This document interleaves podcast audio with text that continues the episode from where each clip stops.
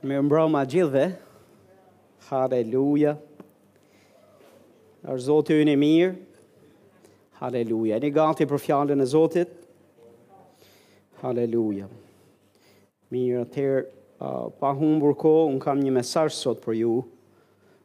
Dhe siç e shifni, ky mesazh është mos u bëj zemërgur. Haleluja.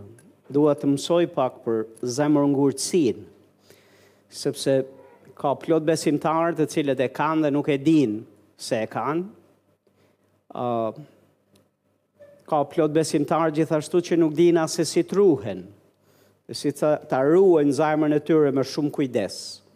Tek proverbat, fjala e Zotit na e bën shumë të qartë që ne duhet ta ruajmë zemrën tonë me shumë kujdes se prej saj thot dalin burimet e jetës. Atëherë Hebrenjve kapitulli 4 vargu 7 thotë ai cakton përsëri një ditë sot duke thënë, Mbas kaq kohe, me gojën e Davidit, sot thotë në qoftë se e dëgjoni zërin e tij, mos u bëni zemërgur. Le të themi bashkë, sot, në qoftë se e dëgjoni zërin e tij, mos u bëni zemërgur. Dua t'ju flas fillimisht për shenjat e një zemre të ngurtë. mënyrë që të dallojmë nga shkrimi i shenjtë se çfarë është një zemër e ngurtë. Tek Veprat e Apostujve, kapitulli 28, do t'ju lexoj ca vargje, vargu 24 deri 27, pastaj Mateu 13, vargu 13 deri në 15, thonë të njëjtin shkrim që është përmendur nga Isaia, por aty do të lexojmë disa gjëra me shumë peshë. Vargu, le të lexojmë nga vargu njëzet e katër i Veprave njëzet e tetë, siç edhe do t'ju ndihmojmë aty lart me me vargjet. Vargu 24 thotë disa bindeshin nga ato që u thoshte thotë, por të tjerët nuk besonin. Le të themi bashkë, nuk besonin. Nëse ke Biblën aty, do ishte mirë ta nënvizosh këtë fjalë. Vargu njëzet e pesë thotë dhe duke qenë se në mospajtim njëri me tjetrin, thotë u larguan, pasi Pali u tha pikërisht këto fjalë, mirë u foli fryma e shenjtë me anë të profetit Isaia, etërve tanë, duke thënë, Shko tek ai popull dhe i thuaj, po të dëgjoni, po, do të dëgjoni, thotë, por nuk do të merrni vesh. Le të themi bashkë nuk do të merrni vesh. Nënvizoje këtë pjesë. Thot do të vështroni, por nuk do të shikoni. Nënvizoje fjalën nuk do të shikoni. Në fakt thot zemra e këtij populli u bë e ngurtë. Do ishte mirë të nënvizoje fjalën u bë e ngurtë. Dhe janë rënduar veshët dhe kanë mbyllur sytë që të mos shohin me sy dhe të mos dëgjojnë me vesh dhe të mos kuptojnë, nënvizo fjalën të mos kuptojnë. Të mos kuptojnë me zemër, thot, dhe të mos kthehen tek unë dhe unë t'i shëroj. Nënvizoni fjalën të mos kthehen. Pse pastor je duke nënvizuar këto fjalë? Sepse do t'i analizojmë, sepse aty janë në fakt shenjat e një zemre të ngurtë. Mateu 13 na thot të njëjtën gjë, veçse Jep ca detaje të cilat do na hyjnë në punë, ndërkohë që do mësojmë. Vargu trembëdhjetë thotë, Prandaj unë u flas atyre, thotë, me shëmbulltyrë, sepse duke parë, nuk shohin. Është e njëjta gjë, nënvizimi i fjalës nuk shohin, duke dëgjuar, nuk dëgjojnë. Thotë dhe as nuk kuptojnë. Këto janë të njëjtat fjalë që nënvizuam më lart, veçse ripërsëriten këtu poshtë. Vargu 14 thotë kështu ndër ta përmbushet profecia e Isaias që thotë, ju do të dëgjoni, por nuk do të kuptoni, do të vështroni, por nuk do të shikoni, sepse zemra e këtij populli është bërë e pandjeshme. Nënvizoni fjalën është bërë e pandjeshme. Të gjithë vargjet e, e, e Ungjillit të Mateut i kam lexuar vetëm për këtë këtë fjalën që është shkruar këtu është bërë e pandjeshme, sepse vetëm kjo është pak më ndryshe se sa ajo çfarë është folur tek veprat e apostujve. Ata janë bërë thotë të rëndë nga veshët, kanë mbyllur sytë, që nuk shohin me sy, thotë dhe nuk dëgjojnë me vesh, dhe nuk gjykojnë me zemër dhe nuk kthehen dhe unë t'i shëroj. Të njëjtën gjë e shohim te ky varg, te të dyja pasazhet shohim nuk kthehen që unë t'i shëroj. Kur dikush ka një zemër të ngurtë, kur i ngurtësohet zemra, rri larg pranisë Perëndisë, rri larg Zotit dhe nuk mund të marrë prej tij. As jep dhe as nuk merr. Dhe ndonëse Perëndia ka dëshirë ta shërojë, nuk e shëron dot sepse ajo zemër nuk i afrohet për të marrë prej tij. Nuk mund të marrë prej tij. Në të dyja rastet ne shohim këto thënie të thëna qoftë te veprat, qoftë tek Ungjilli, të ripërsëritura.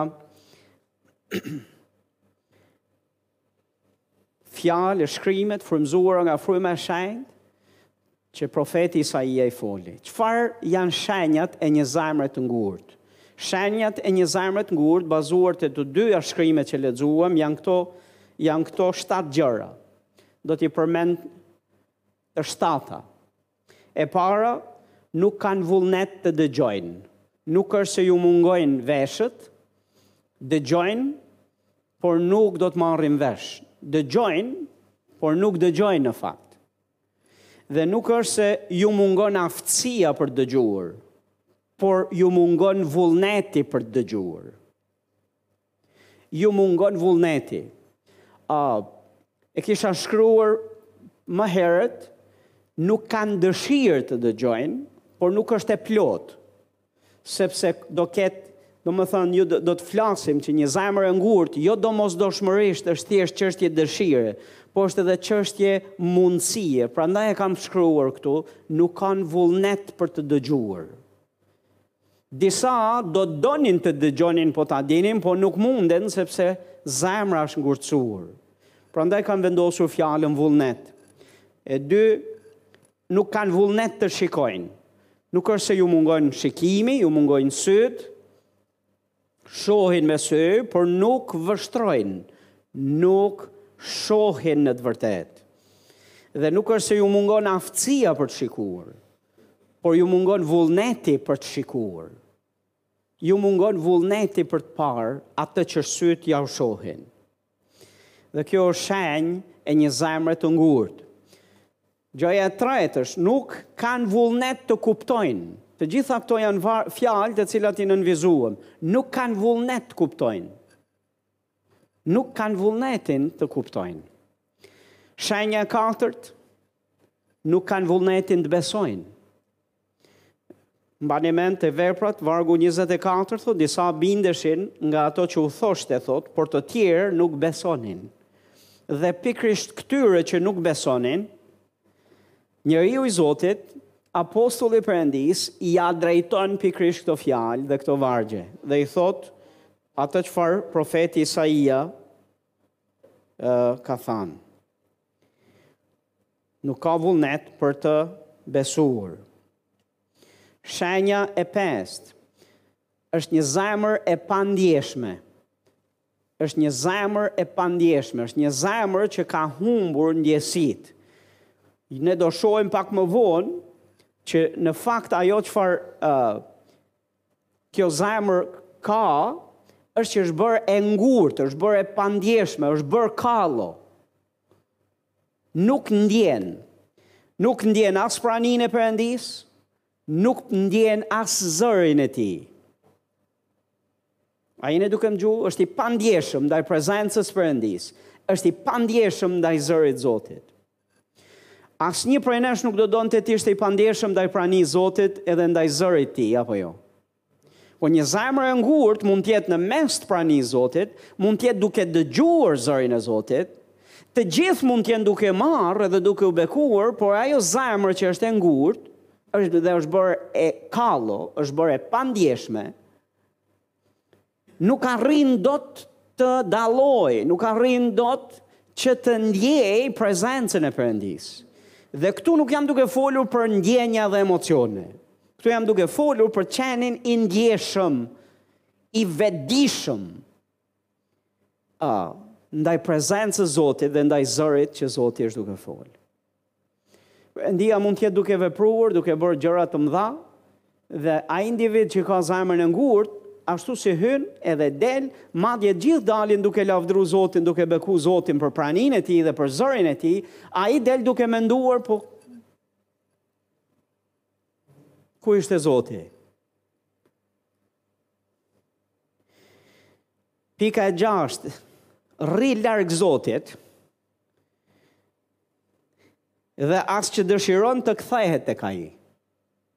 Një zemër e ngurt, rril i rri larg Zotit, i ka vendosë Zotit gardh, i ka vendosë Zotit kufi, i rri larg Zotit dhe nuk dëshiron t'i afrohet. Një zemër e ngurtë nuk ka nuk do të kthehet. Nuk do të pendohet, se fjala kthesë është fjala pendesë gjithashtu. Është e barasvlefshme me fjalën pendesë. A jeni duke dëgju? I rri larg Zotit. Nuk kthehet tek unë, thotë Zoti. Ka sy për të pa, po s'sheh, ka vesh për dëgjuar, po s'dëgjon. Nuk kupton, është bërë zemra e pandjeshme, është ngurtësuar zemra, më rri larg, thotë, fjala e Zotit, dhe nuk kthehet tek unë që unë ta shëroj. Tani, gjithë pasojat e një zemre të ngurtë është që të ndenjurit largë Zotit, të ndenjurit në distancë, e bën atë individ që të vuajë. Nuk është se është vullneti i Perëndisë që ai të vuajë, Perëndia do që ai ta shërojë atë zemër, dëshiron që ta shërojë jetën, t'ia bekojë jetën atij individi, por ai individ ka zgjedhur që të rrijë larg me vullnetin e tij. Pse? Sepse i është ngurtësu, është ngurtësuar zemra. Tani pastor, çfarë është një zemër e butë? Një zemër e butë është krejtësisht e kundërta e kësaj zemrës së ngurtë. Ka sy dhe sheh, ka vesh dhe dëgjon. Kur përba, kur dëgjon fjalën e Zotit apo shikon atë çfarë Zoti është duke thanë, beson. Është e ndjeshme ndaj pranisë së Zotit, e ndjeshme ndaj zërit të Zotit. Është i gatshëm të bindet, i gatshëm e i vullnetshëm të kthehet, i gatshëm të ndryshojë kur dëgjon zërin e Zotit dhe i gatshëm të vrapojë dhe t'i afrohet atij. Dhe një zemër, një njeri që ka zemrën e butë, ka një jetë të begatë, ka një jetë të mbarë. Shërimi, fuqia shëruese e Zotit është duke vërshuar e duke rrjedh tek ai individ. A jeni duke dëgju? Bazuar në këto gjëra që jam duke mësuar, pastor, çfarë është një zemër e ngurtë?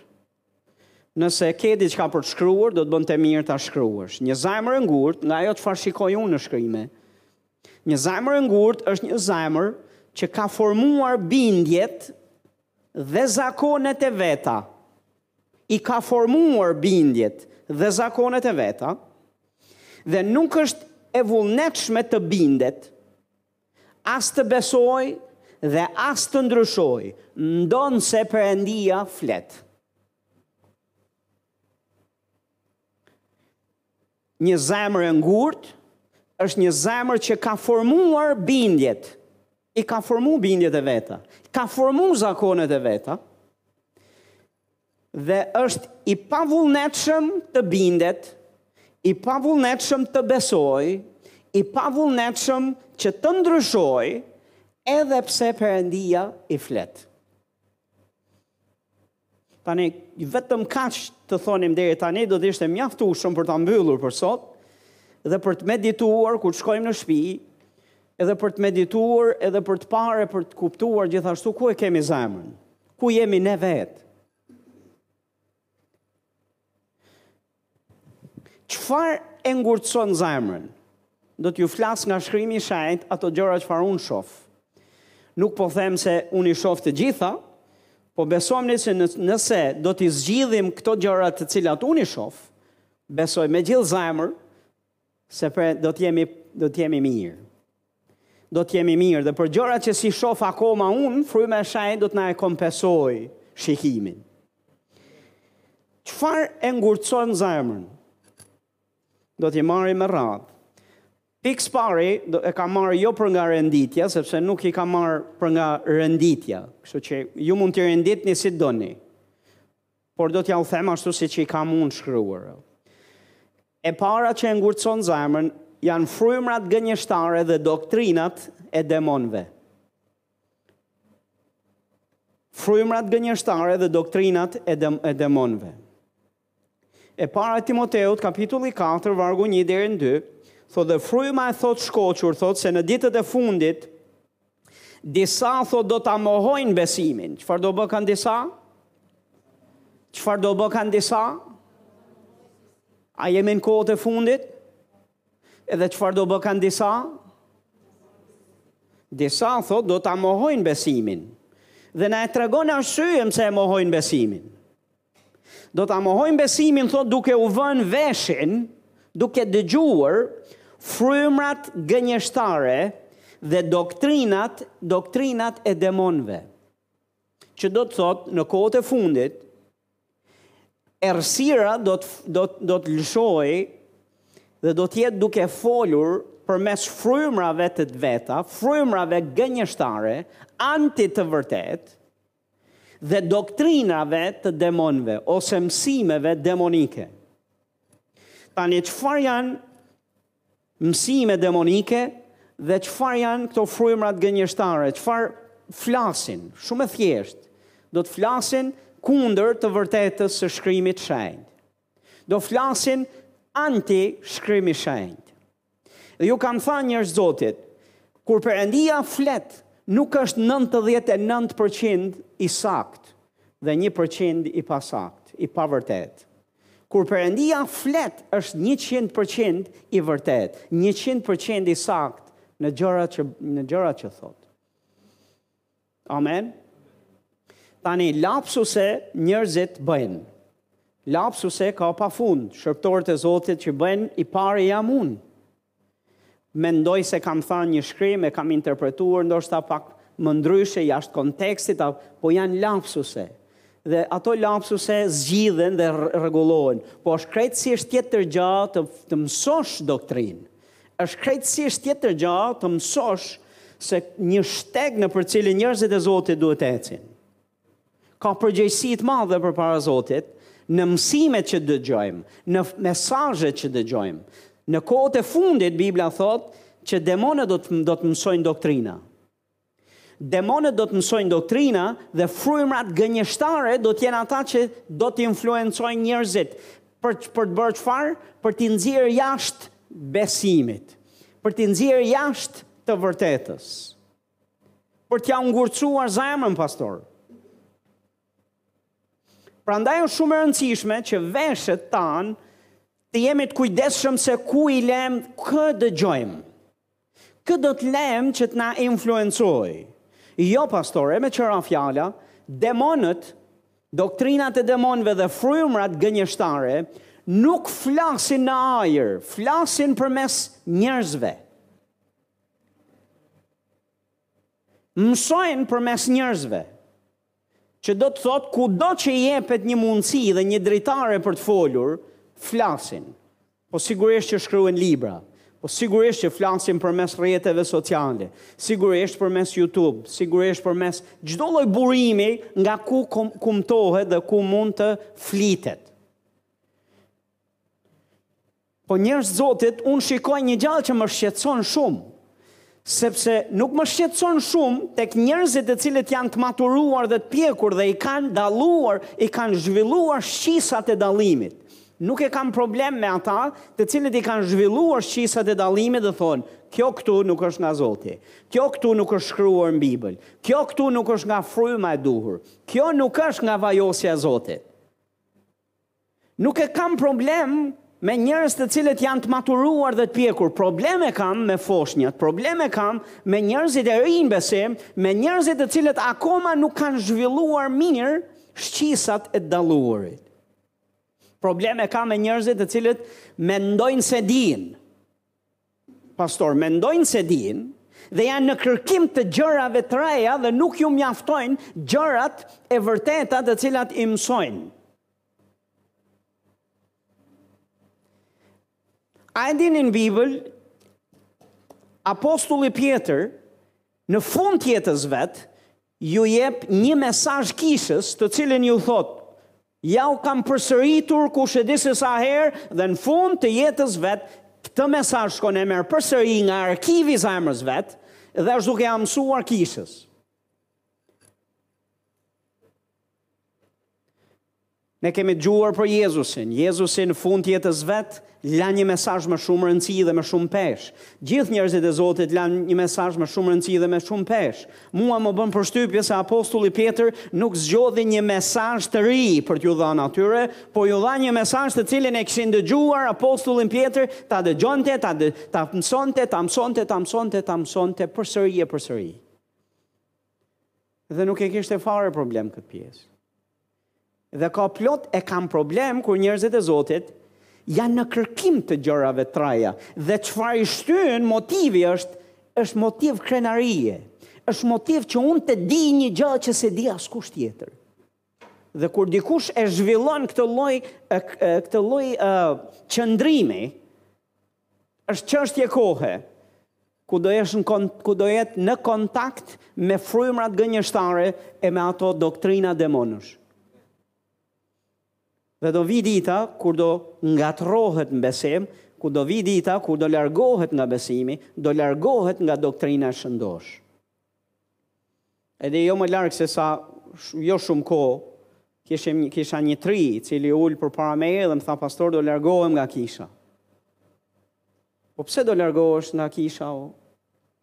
Beki. Do të largohem sepse jam kundër uh, mesazhit, mesazheve të mrekullive dhe të folurës në gjuhë të reja në kishë. Wow! Je kundër. Je kundër mrekullive, je kundër lëvi shërimeve të Zotit. Dhe m'u desh që t'i kthehem dhe, t'i, dhe ta pys dhe t'i them, po, po mirë ti nuk ke qenë në shërbesë, nuk i ke pa mrekullitë me sy, nuk i ke gju. Mendon se këto janë të bëra vetë? Po aq më tepër ti vetë ke dëshmuar dhe ke folur për mrekullitë që Zoti ka bërë përmes teje. Ato që ti ke thënë kanë qenë gënjeshtërta? S'kanë qenë të vërteta? Jo, kanë qenë të vërteta. Edhe ato i kam parë, por gjithashtu kam parë se ka pasur dhe dështime.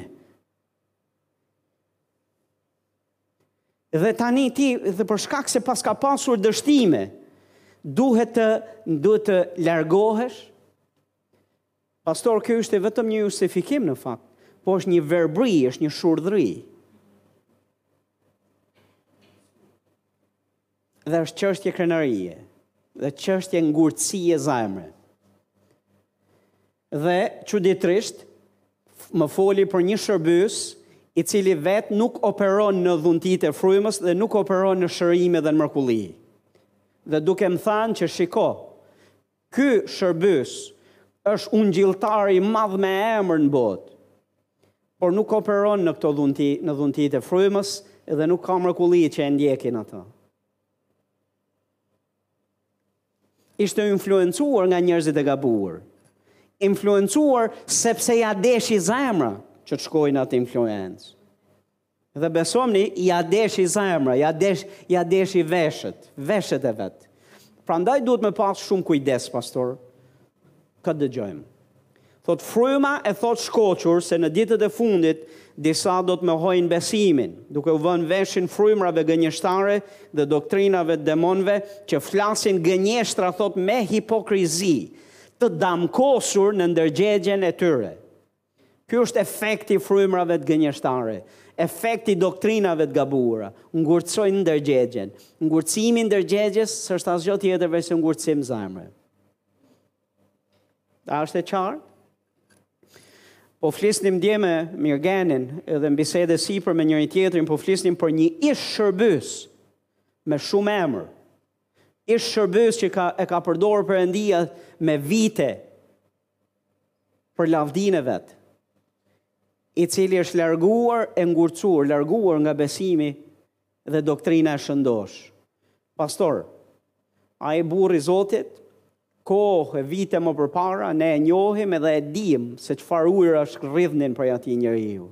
Dhe që ai njeri të gënjehet, Nëse ai njeri është gënjyer, pastor, nuk e di për ju, po unë jam pastori juaj, dhe kjo vendos frikë të shenjtë në zemrën time, tek unë, të them që nëse një individ me i këtij kalibri, njohës i fjalës, njohës i pranisë, i frymës shenjtë dhe Perëndia ka bërë gjëra të mëdha, dhe ka bërë punë të madhe në botë, përmes atij burri, ka dalë jashtë shinave, të besojë gjënë e gabuar, pastor, e njëjta, kjo, kjo, kjo frikë e shenjtë, lutem që të jetë edhe në zemrën tënde.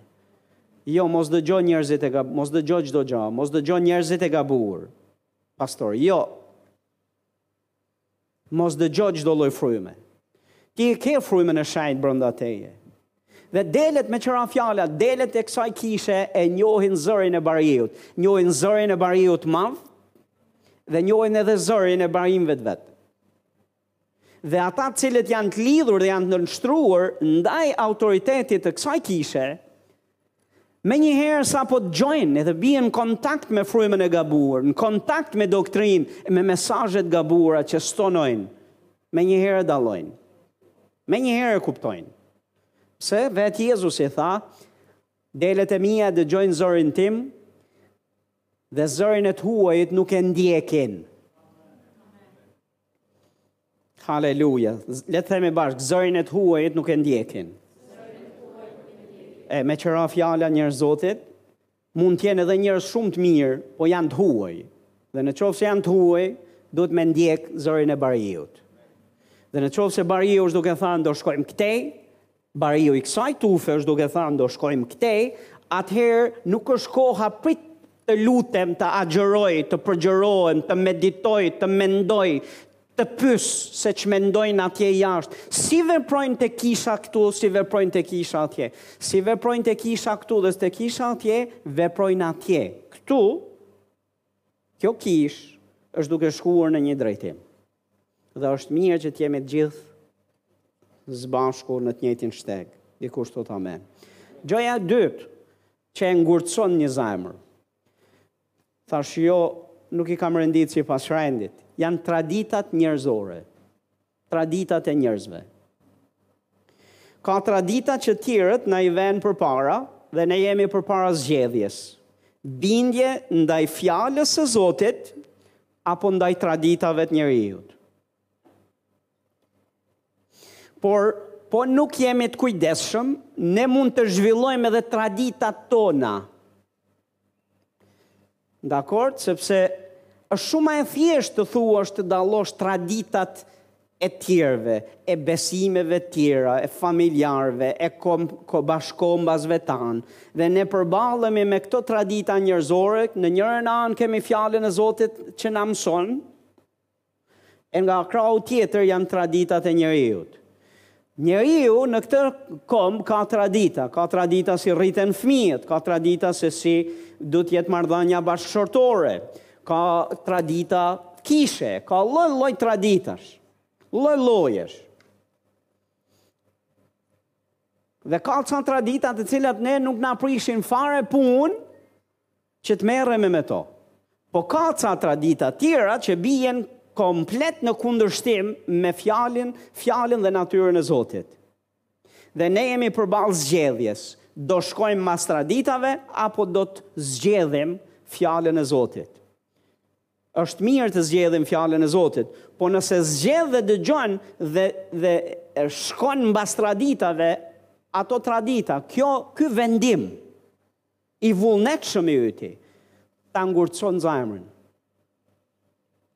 Dhe nëse s'kemi kujdes, ne mund të zhvillojmë traditat tona, zakonet tona, zakone komplet në anti fjalë e Zotit. E duhet të jemi shumë të kujdesshëm. Mateu 7, vargu 6 deri në 9 thotë, por ai duke u përgjigjur iu tha atyre, mirë profetizoi Isaia për ju, hipokritë. Siç është shkruar, thotë ky popull me buzë më nderon, por zemra e tyre thotë rri larg meje. Por më kot, por kot më bëjnë thotë një kult. duke mësuar doktrina të cilat janë porosi të njerëzve, duke lënë pas dore pas pra urdhërimin e Perëndisë. Ju i përmbajni traditës së njerëzve, larje brokash, kupash dhe bëni shumë gjëra të ngjashme. Dhe u, dhe u thoni atyre akoma, thotë, ju jeni të shkathët për të anuluar urdhërimin e Perëndisë, për të zbatuar traditën tuaj. A e dëgjuat? Shumë e rëndësishme njerëz të Zotit, që zemra jonë të mos rri larg Zotit, një zemër e ngurtë i rri larg Zotit, thamë pra, shenjë e një zemre të ngurtë është se i rri larg Zotit, është i pavullnetshëm t'i afrohet, dhe pse është i pavullnetshëm t'i afrohet, sepse nuk e lënë traditat.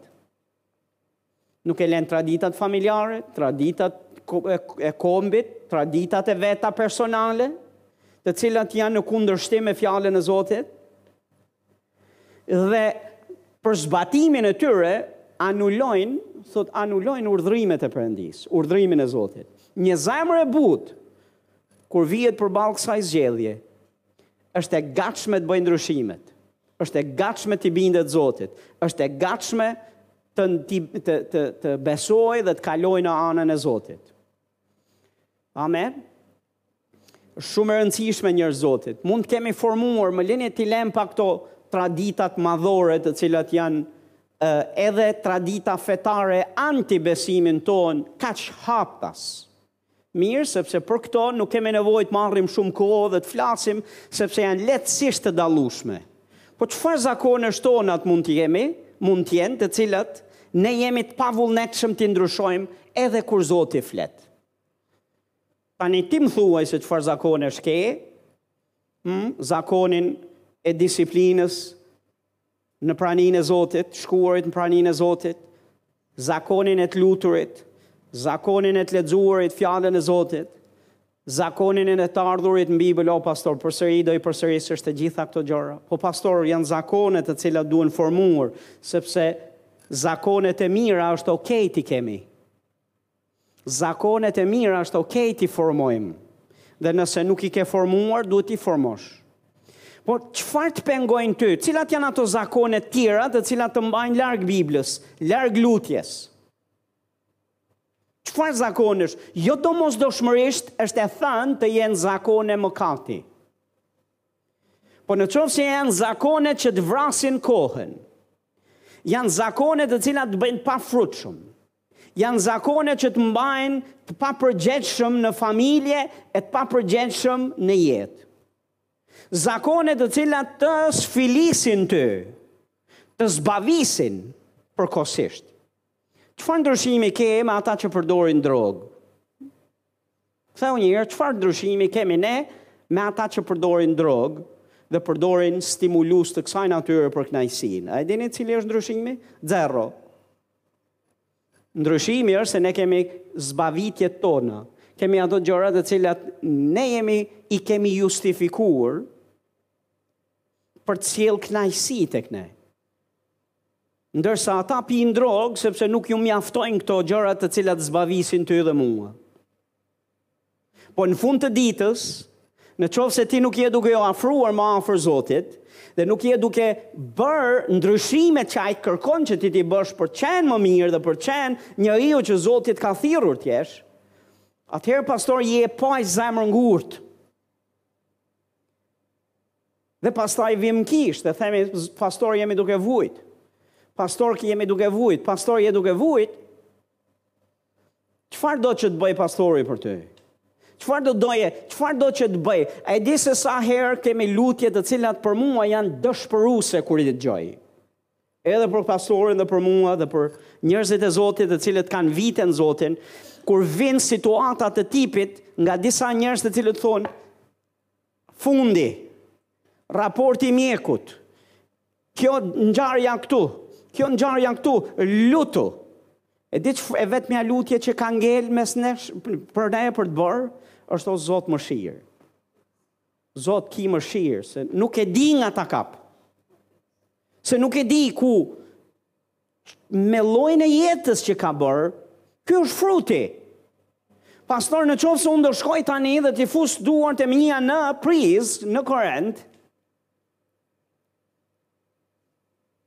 nëse hyp atje lartë dhe do hidhem, do të ketë pasoja, apo jo? Dhe disa njerëz me vendimmarrjet e tyre, duke, duke u ushqyer dhe duke u uh, reha rehatuar në në zakone jo të mira e gjejnë veten pastaj në situata të cilat janë të pakëndshme. Dhe pastaj duan një në mënyrë të mbinatyrshme Perëndinë që t'i nxjerrë që aty si me magji dhe Perëndia shumë herë e bën këtë gjë dhe e ka bërë pa fund në mëshirën e vet. Po njerëz të Zotit duhet rritemi. Njerëz të Zotit duhet dalim nga kjo gjendje dhe duhet bëhemi të përgjegjshëm. Një zemër e ngurtë Është e pavullnetshme për të ndryshuar. Është e pavullnetshme për të dëgjuar, e pavullnetshme për të parë, e pavullnetshme për të kuptuar, e pavullnetshme për të besuar, e pavullnetshme për t'iu afruar Zotit dhe për t'u kthyer tek Ai dhe për të bërë kthesën për gjërat që Ai kërkon. Edhe pse është Perëndia që flet.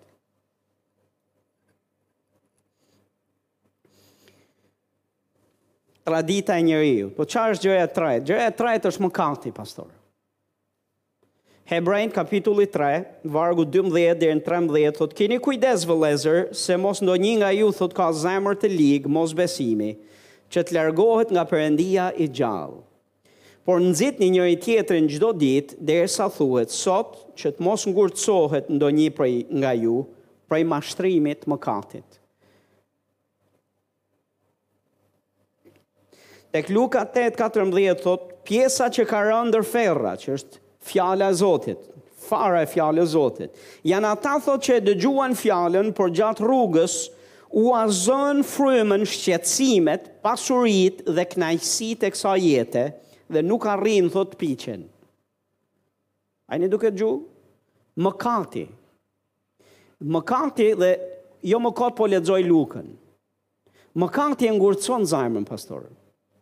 Mëkati e ngurcon zajmën, e damkos ndërgjegjen. Perëndia na ka dhënë ndërgjegje. Ju kam thënë herë mbas here, kur vijnë besimtarë të rinj, të cilët vijnë dhe thonë, pastor, jam shumë keq, nuk jam mirë, kam mëkatuar dhe ndihem tmerrësisht keq, kam orë, ditë, nuk më zë gjumi, nuk jam rehat,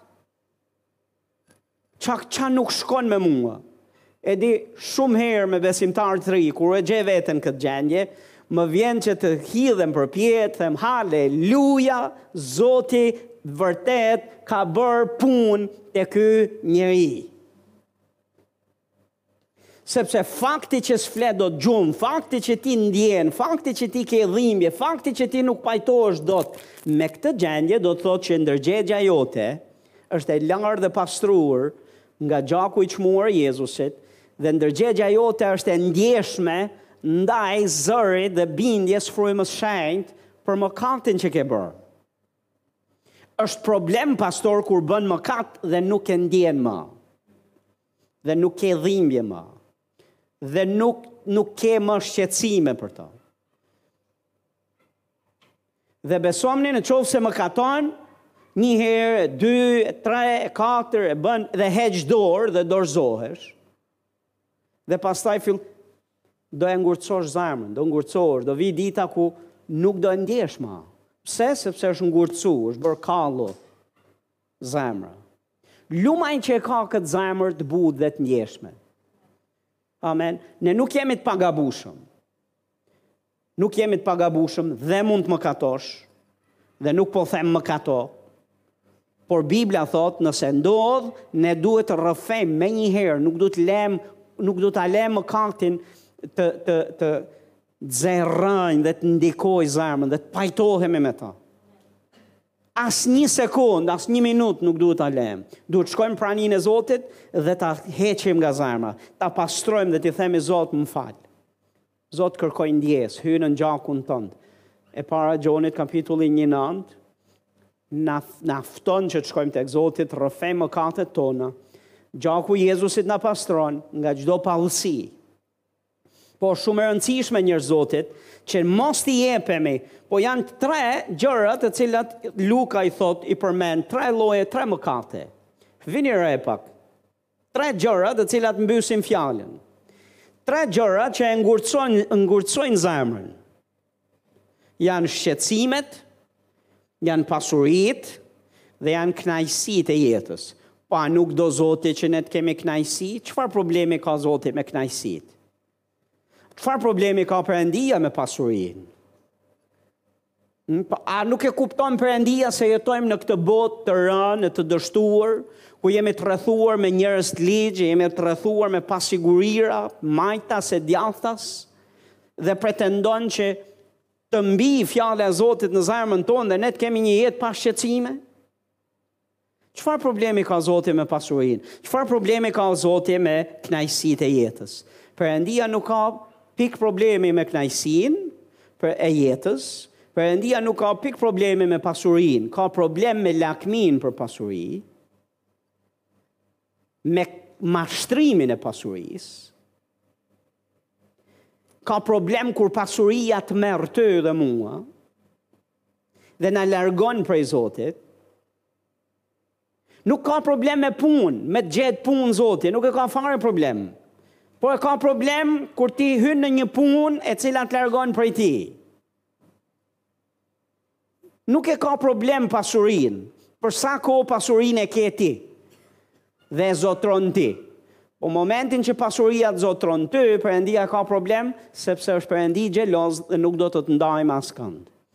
Kënaqësitë e jetës, Perëndia nuk e ka problem që ti të kesh kënaqësi, të gjesh kënaqësi. Absolutisht ai të do të përmbushur dhe të kënaqur. Po ka mëka, ka kënaqësi të përkohshme të mëkatit dhe ka kënaqësi të perëndishme. Perëndia ka kënaqësi që i prodhon fjala e Zotit, ka kënaqësi që i prodhon fryma e Zotit dhe prania e Tij. Mbas cilës shkon ti? Një zemër e butë shkon mbas kënaqësive të Zotit. Një zemër e ngurtë largohet prej Zotit dhe e zëvendëson me kënaqësitë e jetës. të cilat në dukje nuk duken si mëkat. Janë thjesht kënaqësi. Çfarë po bën po kënaqem. Çfarë po bën po kënaqem. Me të vërtetë, ti po kënaqesh po fjala e Zotit ashtë duke prodhuar, fjala e Zotit ashtë duke u mbjellë, fjala e Zotit ashtë duke qenë ë uh, duke qenë kanga jote, Fjala e Zotit a është në buzët e tua? A është përpara syve tu? E di çfarë i tha Zoti tek uh, tek Ligji i Përtërirë, kapitulli 6 besoj, i foli popullit Izraelit dhe iu dha urdhër dhe iu tha, ju dhe bijtë tuaj, kur të uleni, kur të ngrijeni, kur të ecni rrugës, duhet që të flisni fjalën e Zotit, të mendoni ditë, natë, të shpallni, t'i mbani para syve, t'i shkruani nëpër shtalka, nëpër, nëpër, uh, t'i mbani përpara syve tuaj dhe të flisni vazhdimisht në mënyrë që të keni ditë qiellin në tokë. Njeri i Zotit, kënaqësi është që ti të përjetosh qiellin në jetën tënde. Të përjetosh flladin e pranisë Zotit, të përjetosh zërin e tij.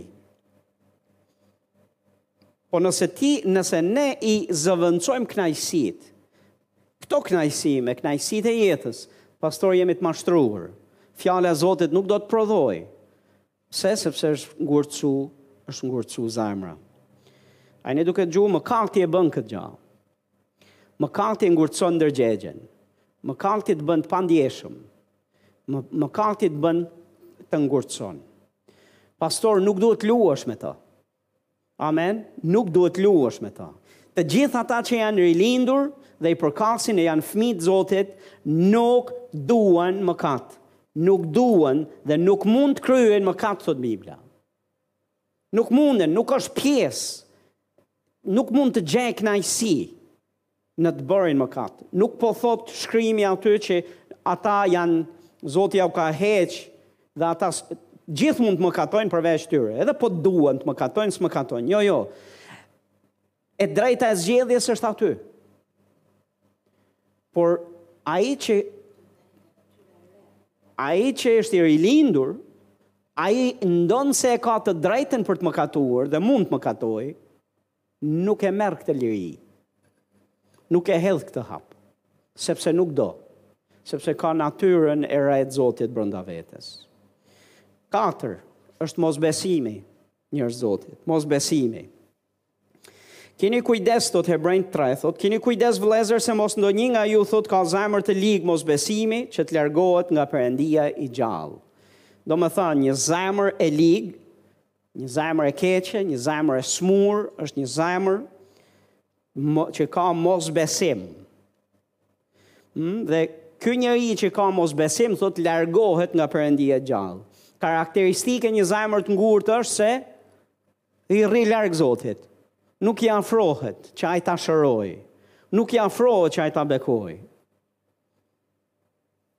Mosbesimi e bën këtë gjë. Shenjë, shenjë e një zemre të ngurtë, por mosbesimi gjithashtu e ngurtëson zemrën në vetvete. Ju kam thënë se çfarë është mosbesimi, ndryshe nga dyshimi.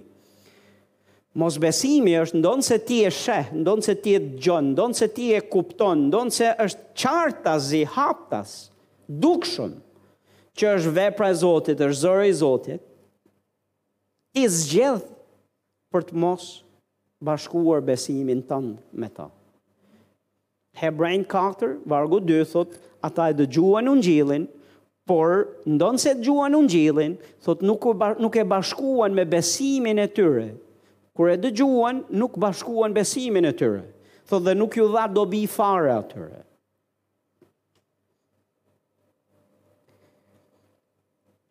Kini kujdes vëllezër se mos ndonjë nga ju thotë ka zemër të ligë, mosbesimi, që të largohet nga Perëndia e gjallë. Vargu 13 thotë, por nxisni njëri-tjetrin çdo ditë, derisa thuhet sot që të mos ngurtësohet ndonjë nga ju prej mashtrimit të mëkatit.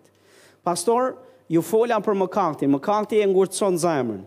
Këtu të këto vargje, Ë, në kontekst është duke folur për mëkatin e mosbesimit. Çdo mëkat ngurtëson zemrën. Çdo kryerje mëkati e bën këtë. Por këtu në mënyrë specifike është duke folur për mëkatin e mosbesimit. Kështu që pastor, kur dëgjon fjalën e Zotit, kur ti sheh veprën e Zotit, të lutem beso. Zgjidh të besosh.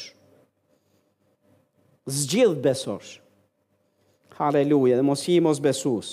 Mos u përpjek të gjesh justifikime dhe arsyetime njerëzore për të mos besuar. E pesta, është krenaria. Krenaria që është mungesë përulësie dhe nderimi ndaj Zotit. Shkruaje këtë gjë se do ta shpjegojmë. Krenaria, mungesa e përulësisë edhe nderimit ndaj Zotit. Kjo e ngurtëson zemrën. Kur ti zgjedh të jesh i papërulur dhe nderues ndaj Zotit. Shifni se çfarë thotë shkrimi. Romakët kapitulli 1, vargu 21 deri 22, sepse megjithëse e njohën Perëndinë, nuk e përlëvduan, as e falënderuan si Perëndi. Përkundrazi thotë u bënë të pamend në arsyetimet e tyre dhe zemra e tyre thotë e pa gjykim u errësua. Duke deklaruar veten të urtë u bënë të marrë. Çfarë thotë ky shkrim thotë megjithëse e njohën Perëndinë. Nuk e përlëvduan as e falenderuan si Perëndi. Çfarë bënë këta pra? E njohën Perëndin. Më nuk është duke fol për njerëz që s'e njohën Perëndin. Është duke fol për njerëz që e njohën. Po ndonëse e njohën, thot, nuk e përlëvduan dhe as nuk e falenderuan si Perëndi. Dhe ça i ndodhi zemrës? Çfarë i ndodhi këtij individi, këtyre njerëzve të cilët bën pikërisht këtë gjë? U bën thot pa mend në arsyetimet e tyre dhe zemra e tyre pa gjykim u errësua. Mund ta themi shumë thjesht, u ngurtësua. U err, humbi dallimin, humbi kuptimin. Thotë dhe duke e deklaruar veten të urtë, u bën të marrë. E dini kush e deklaron veten të urtë? Karakteristike kujt është ajo që që i që i jep gojës dhe përlëvdon veten. Krenari. e duke deklaruar veten të urtë, më shqetësojnë besimtarët të cilët thonë e di e di. Momentin që dëgjoj këtë fjalë, e di çfarë më vjen, më vjen ta ta kap për leckash dhe t'i them, ti nuk di asgjë. Ti nuk di asgjë, ndryshoje këtë të folur, ndryshoje këtë mënyrë të menduari. Se momentin që thua e di je duke thënë nuk dua të di më. Nuk dua të dëgjoj. Nuk dua të rris dijet e mia. Nuk jam i hapur për të dëgjuar ça ka ça ke për të thënë apo çfarë po më vjen. E kjo është, kjo është shenjë krenarie. Dhe Perëndia nuk e bekon krenarin. Njerëz të Zotit, Luka 10, 21, thot në të njëjtën orë, Jezusi ngazëlloi në frymë dhe tha, unë të lavdroj o Atë, Zot i qiellit dhe i tokës, sepse ua fshehe këto të urtëve dhe të zgjuarve, dhe ua zbulove fëmijëve të vegjël. Po o Atë, sepse kështu të pëlqeu ty. Jezusi bën një lutje të jashtëzakonshme. Është duke iu lutë Atit, duke e falënderuar, dhe është i ngazëlluar, është i gëzuar. E dini pse? Se njerëzit të cilët janë duke dëgjuar nuk kuptojnë asgjë, nuk shohin, nuk besojnë, nuk kuptojnë, nuk vin tek ai dhe Zoti Jezus është i ngazëlluar dhe është duke falënderuar Atin Që po ju ndodh të mençurve dhe t'urtëve pikërisht kjo gjëja. E di kush janë, Perëndia nuk ka problem me t'urtët dhe dhe të mençurit. Sepse ai vetë na flet në shkrime që ne do ta rrisim urtësinë dhe mençurinë tonë. Po është duke fol për krenarët. Është duke fol për ata që pretendojnë se dinë. Kjo gjëja këtu Kjo lloj kjo kjo krenaria dhe mungesa e përlëvdimit dhe mirënjohjes ndaj Zotit për atë çfarë ai jep, qoftë fjalën, qoftë zërin, qoftë praninë e Tij, e ngurtëson zemrën si asgjë tjetër. A je duke dëgju, si asgjë tjetër. Për këtë arsye, pastor, ruaje veten me shumë kujdes. Vetë Perëndia heq dorë. Vetë Perëndia nuk jep. Sa prej jush vini në shërbesë dhe doni që Perëndia të flasë. A e dini, ju nuk e dini, po më lini t'jua them unë. Se sa herë kam ardhur para para shërbesës. Jo veç këtu, po në disa vende. Kam ardhur plot i karikuar plot me vaj. për të dhënë dhe kur kam dalë këtu përpara, gjërat nuk kanë rrjedhur dhe fjala nuk ka qenë ashtu siç duhet. Mesazhi s'ka qenë ashtu siç duhet.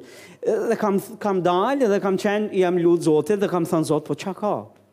Sepse nuk është se nuk studiova, nuk është se nuk mora prej teje, nuk është se nuk kalova kohë dhe nuk jam në rregull, sepse po të mos isha në rregull, ti do më flisje dhe do më thoje që shiko ti nuk je në rregull. Ça ka?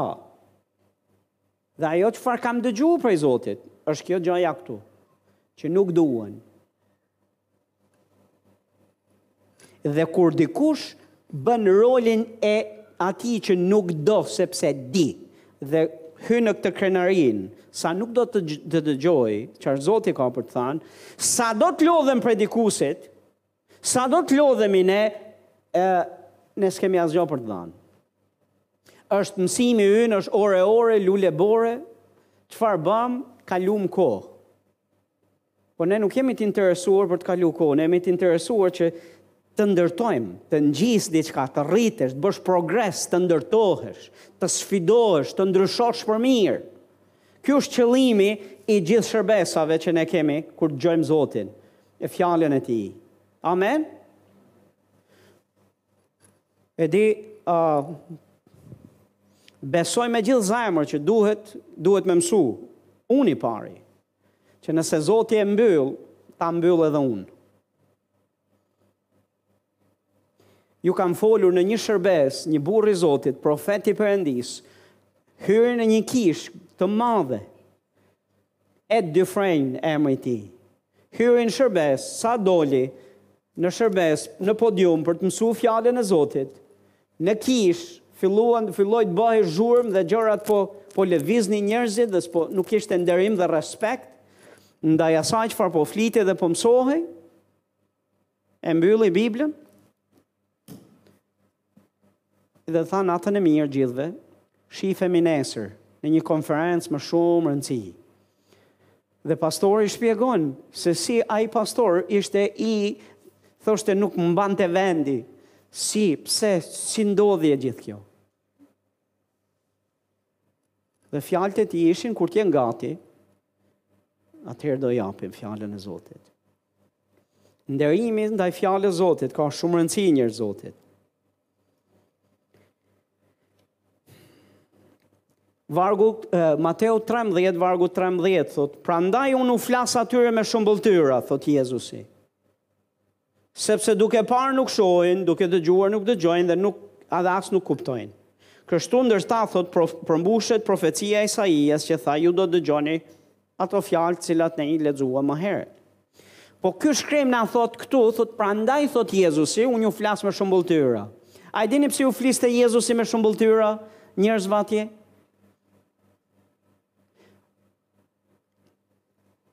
Iu folte që të mos kuptojnë gjërat që ka për të thënë. Që ata të mos i kuptojnë. Dhe kur dishepujt i thanë, o Jezus, po ça deshe me thënë me shëmbëlltyrat? Dhe Jezusi iu tha, ju ju është dhanë për t'jua shpjegu. Dhe kjo shëmbëlltyrë është kjo, ky, ky, ky, ky është shpjegimi i asaj që fola. Dhe ata thanë, aaa, Po pse folje, sepse në turmë kishte farisenj, kishte saducenj, kishte njerëz të ngurtë, kishte njerëz krenarë, kishte njerëz që kishin ardhur me mendësin për të gjykuar. Kishin ardhur për ta vënë në provë njeriun e Zotit. Kishin ardhur që ta vinin në provë Jezusin, për ta zënë në gabim, për të gjykuar se çfarë do të thotë jashtë shkrimit. Po nuk kishin ardhur për të marrë. Njerëz Zoti, ruajeni zemrën me shumë kujdes. Në mënyrë të veçantë, ju që keni vite në Zotin. Ne duhet të gjykojmë sigurisht çdo gjë që dëgjohet. Ne duhet ta gjykojmë, a është nga Zoti, a s'është nga Zoti, a është gjëja e duhur, s'është gjëja e duhur. Po ka edhe një proces dhe një mënyrë të perëndishme. Dhe ka edhe nji që është i frymëzuar nga krenaria dhe nga ngurtësia e zemrës. Më ka ndodhur mua, pastor, jo një herë, po me shumë raste që kam qenë duke dëgjuar njerëz të Zotit, duke folur dhe kam qenë i ngurtë në zemër dhe e kam ditur, kam qenë thjesht duke bërë spektatorin dhe duke thënë e E kam paragjykuar që përpara se çka ka për të thënë dhe nuk kam marrë asgjë dhe më është dukur më lëmsh sesa çdo gjë që kam dëgjuar ndonjëherë. Dhe më habiste kur dilja jashtë, kemi qenë disa raste me me pastorin, pastorja thoshte, "Wow, çfarë mësimi! Wow, çfarë predikimi!" Perëndia më bekoi. Shih se çfarë Zoti më foli, ça Zoti më dha. E unë nga, nga ana tjetër, as nuk ja thoja, po nga ana tjetër isha duke thënë, ku e dëgjove mo njeri, ku ishte ajo gjëja e mirë dhe e mrekullushme që ti dëgjove, a s'ishim në të njëjtën shërbes? Ishim në të njëjtën shërbesë, por unë kisha ardhur në rolin e atij që do të gjykoj gjërat të cilat janë duke u thënë, ndërsa ajo kishte ardhur me ro, në rolin që ça ka Zoti për të më dhanë, dhe Zoti i dha. Ruje zemrën me kujdes, pastor, ruje zemrën me shumë kujdes. Ji nderues, ji falënderues, ndaj Zotit, Kupto se Ai është Zot dhe pranoje si tillë dhe dalloje si tillë, ti nuk je. Amen? Nderoje, sepse po nuk e nderove, zemra jote errësohet, humb gjykimin e zemrës, humb dallimin, dhe nuk kupton pastaj. Pastor. Zoti jep ku, jo, i dha kuptim të përulurve. Iu dha dishepujve kuptimin. Dikush thotë amen. Këto pesë gjëra e ngurtësojnë zemrën, me aq dritë sa kam unë nga shkrimet, aq sa kam parë. Tani si t'ja bëjmë pastor, nëse e kam zemrën e ngurtë? Si mund t'ja bëjmë? A e kam vetë apo njoh dikë që ka zemrën e ngurtë? dhe ia shoh këto shenja të cilat jam duke t'i fole, si mund ta ndihmoj? Si mund ndihmoj dhe veten, po si mund të ndihmoj edhe tjerët? Pastor janë dy gjëra të cilat unë besoj se e ndihmojnë një njeri që ka zemrën e ngurtë, që lavdi Zotit ka shpresë. Edhe për një gjendje të kësaj natyre. Ka shpresë. Dy janë fjala e Zotit edhe lutja. Të dyja së bashku. Kombinimi i të dyjave. Fjala e Zotit thashë edhe lutja. Hebrenjtë kapitulli uh, 3, thotë kini kujdes vëllezër se mos ndonjë nga ju ka zemër të ligë mosbesimi, që të largohet nga Perëndia e gjallë, por nxisni njëri-tjetrin çdo ditë. Themi bashkë nxisni njëri-tjetrin çdo ditë. Thotë se uh, derisa thuhet sot që të mos ngurtësohet ndonjë nga ju prej mashtrimit të mëkatit. Çfarë thotë Te letrat e hebrenjve, nëse diku, që dikush mos ngurtësohet, që dikush mos bjerë pre e kësaj, çarë duhet bërë me ta? Duhet me nxit çdo ditë. Po me çfarë e nxisim njëri-tjetrin? Me psalme, me himne, me këngë frymore, me shkrimin e shenjtë, me fjalën e Zotit. Jeremia 23 vargu 29 thotë, a nuk është fjala ime si zjarri, thotë Zoti, dhe si një çekiç që thyen gurin? Fjala e Zotit e ka efektin e thyerjes së ngurtësisë së zemrës. Fjala e Zotit e ka efektin e shkrirjes dhe zbutjes zemrës. Dhe ne duhet të jemi nxitës.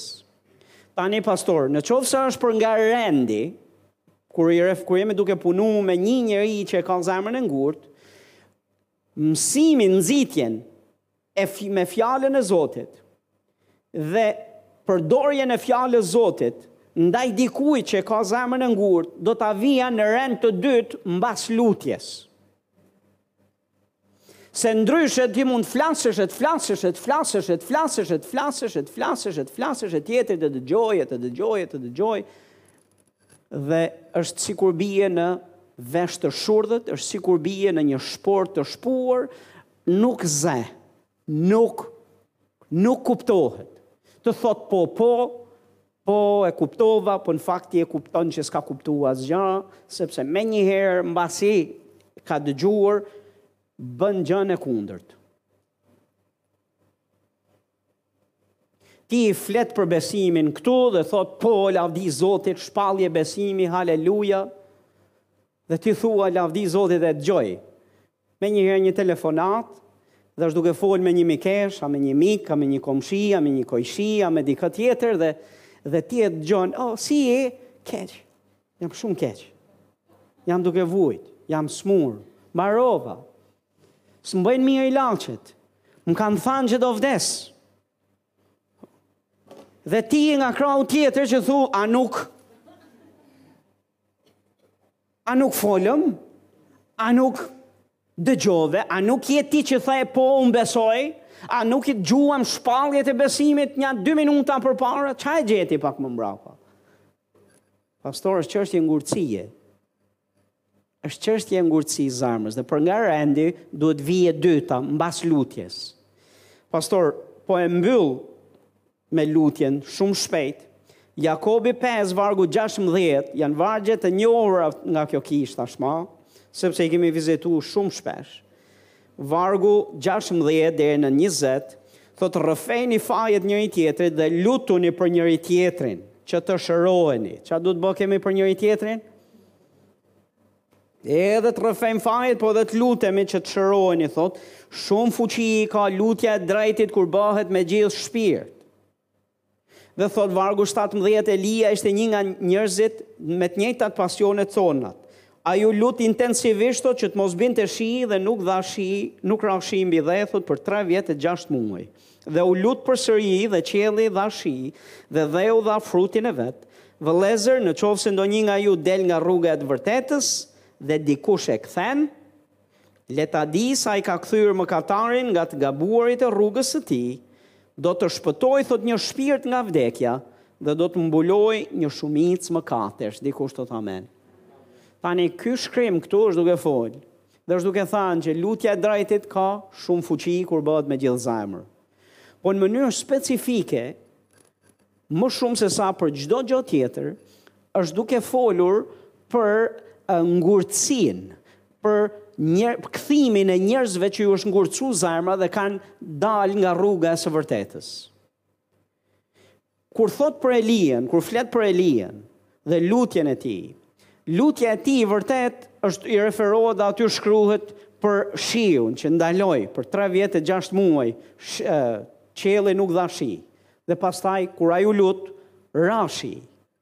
Por çfarë është duke thënë në të vërtetë është duke thënë këtë gjënë, populli i Izraelit në atë kohë ishte ngurcur, kishte rënë në idhujtari, kishte braktis Zotin, ishte largu nga Perëndia e gjallë. Lutjet e Elias, dhe sigurisht edhe ndalimi i shiut, dhe ardhja e shiut në kohën kur ai u lut. Lutjet intensive me gjithë zemër të këtij burri, kthyen atë popull tek Zoti. Sepse ne, ky është theksi në fakt i Jakobit, sepse menjëherë është duke na folur nëse dikush të ka shtrëmbruar rrugë, ka dalë në rrugë të gabuar,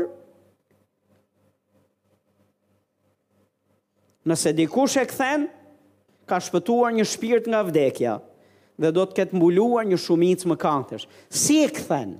Theksi është lutja me gjithë zemër. Si e kthen?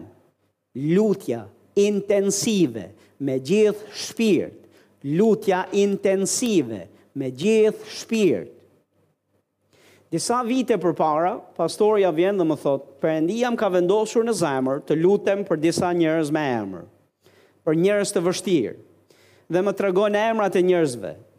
Ndër emrat e njerëzve, unë i njoh të gjithë dhe një pjesë të tyre do ta rrëfej përpara jush në mënyrë të veçantë nja dy i kisha heq nga lista e lutjeve të mia komplet, zero. Sepse s'kisha lënë përpjekje e përpjekje e përpjekje e përpjekje e mësim e lodhje e mundim për ndryshim, po ishte sikur t'i flisje murit. Dhe kisha ardhë në një pikë që e kisha bind veten time që shiko, me këta nja dy individë nuk do merrem ma. Morën, s'morën, ecën, s'ecën, u rritën, s'u rritën, le të bëjnë ç'të duan, është zgjedhja e tyre. Ju them të drejtën, isha ngurcuar unë në marrëdhënie me këta individë, sepse nuk ishte nuk është normale për një pastor, a një shërbyes Zotit që të vijë në këtë pikë. Urdhro? Po, du ta kesh mërzit, por pavarësisht mërzisë, nuk është normale që të ndodhë kjo. Pastorja vjen dhe më thotë dhe kur më thotë në listë ishin edhe individët në fjalë. Dhe në zemrën time thashë mirë, zemër, Zoti ta ka ngarku ty. Lutu. Ju do thoni a besove ti pastor. Zero. Po besova se pas se Zoti i ka fol asaj dhe kaq. Dhe e dëgjoja vazhdimisht. Një prej tyre ishte djali i pastor Lerit në Amerikë, i cili ishte më i ngurcuar se sa kurrë, u largu nga shpia, ë ndërtoi familje me njeriun e gabuar, një jetë të shturur imorale, komplet ia theu zemrën prindërve. S'donte t'ia dinte për besimin, kur flisje me ta për gjërat e besimit, ishte komplet jashtë çdo lloj linje. Dhe sa herë që takoheshim me pastorët, ata flisnin për gjërat që kishin, kishin kaluar, pastorja juaj i thoshte, unë jam duke u lutur çdo ditë për djalin tuaj. Hmm? Ju lutem, a mund të A mund të mund, mund ta mbyllni dhe mos të flisni negativisht sepse jam duke u lut për to. Një prej tyre ishte ky, një individ tjetër ishte tjetër. Të cilin ju doni ta dini. Ishte në Amerikë. Dhe lutej, lutej, lutej, lutej dhe erdh një ditë ku lutja e, e kësaj gruaje u dëgjua në qiell. Sepse ai djalë është kthy tani tek Zoti, është kthy te prindërit dhe herën e fundit që ishte pastori këtu, ishte i mahnitur dhe ne ishim shumë të prekur dhe të bekuar që dëgjonim që pastori tani si si baba dhe si pastor ishte duke fol me djalin e vet gjuhën e besimit përsëri. Dhe ishte duke, është duke menduar dhe Perëndia po i flet në zemër për disa gjëra që kanë të bëjnë me thirrjen e, e shërbesën e kishën që kanë të bëjnë me djalin. Që janë wow, edhe ai e kishte të vështirë ta besonte këtë gjë. Lutja pastor. Individi tjetër pastor, ndryshim radikal. Ndryshim, nuk po hyj te ndryshimet se do e dini se kush është. Se po fola do thoni mos e ka me mua. E do t'ju duket se jeni më shumë sesa një. Po besomni kam parë ndryshimet. Dhe nuk janë për shkakun tim. Pastor, po janë për shkak të kësaj gruaje që është lut Zotit për për për ta. Po pse e themi këtë gjë pastor që të lutemi? Të lutemi. Të lutemi. Ju kam thënë një herë isha duke fol me dikë, duke u përpjek me e mësu derisa desh më dolën më doli, domethënë çdo lloj durimi, sepse i mësoja fjalën e Zotit, më thoshte po, jam dakord, po haleluja, faleminderit që më të bekove, më mësove, mbas gjysë ore më merrte në telefon, nuk jam mirë. Ça ke? S'kam këtë hallin, kam këtë hallin. Të njëjtat halle, të njëjtat gjëra, dukej sikur gjërat që i kishte gju nuk kishin gjit kërkund, më asnjë vend. Derisa shkova në prezencën e Zotit dhe i dëshpëruar, thash Zot, ndihem shërbyes i dështuar. Ndihem i dështuar, nuk di se Po a nuk është ky Çfarë më ke mësuar për autoritetin ia mësova? Çfarë më ke mësuar për fjalën e Zotit ia mësova? Çfarë më th... e dëgjova që ma konfirmoi se është, se e ka kuptu. Po e shof që nuk është duke hec. Dhe Zoti më kujtoi shkrimin që thotë tek Efesianët Gjithë ai apostull i Zotit, apostulli Pal thotë unë i ul gjunjët e mi përpara Atit të Zotit tonë Jezus Krisht. Dhe thotë që t'ju japë ju të forcoheni me fuqi, me anë të frymës së shenjtë dhe Zoti më tha nuk zëvendësohet me mësime dhe me fjalë koha e lutjes, dhe vepra e frymës time. Ti duhet të gjunjëzohesh, të kërkosh, të më kërkosh mua të jap prej frymës time t'i forcoj në njeriun e brendshëm. Dikush thotë amen. Për nga rendi pastor. Para se të nxisësh. Para se të lodhesh që të flasësh, edhe me gjithë dijen e arsenalin e dijeve tua, pastor, uli gjunjët një herë. Merr kohë. A ka njerëz të vështirë mund t'i kesh në familje, pastor? Pastor, më ka dalë kjo këtu. duke folur. Ok, pastor, të ka dalë kjo këtu duke folur, kjo duhet të dalë këtu, pastor, duke u lutur tani. Çfarë të bëj, pastor? Lutu, pastor. Lutu, pastor. Po është i vështirë, po është e vështirë, po nuk dëgjon, more nuk merr vesh, po është e ngurtë, është e ngurtë në rrugët e veta. Ça je duke thanë, ka një zemër të ngurtë? Ok, lutu. Sa kohë, pastor? Mirë, pastor, derisa, derisa të thyhet, pastor, derisa të zbutet zemra, pastor, derisa të vijë në pikën e të kuptuarit. Derisa të bjerë ai vel, derisa të thyhet ajo ngurtësi. Amen. Mos të të lëshojë zemra, ndoshta ti ke vite që je duke u lut për familjarët tu, për njerëz që ti i njef, që, janë, që ti thua këta duket se, duket sikur veç po largohen e largohen. Mos u dorzo, Mos heq dorë, lutu. Lutu pastor, sepse lutjet tona kanë fuqi.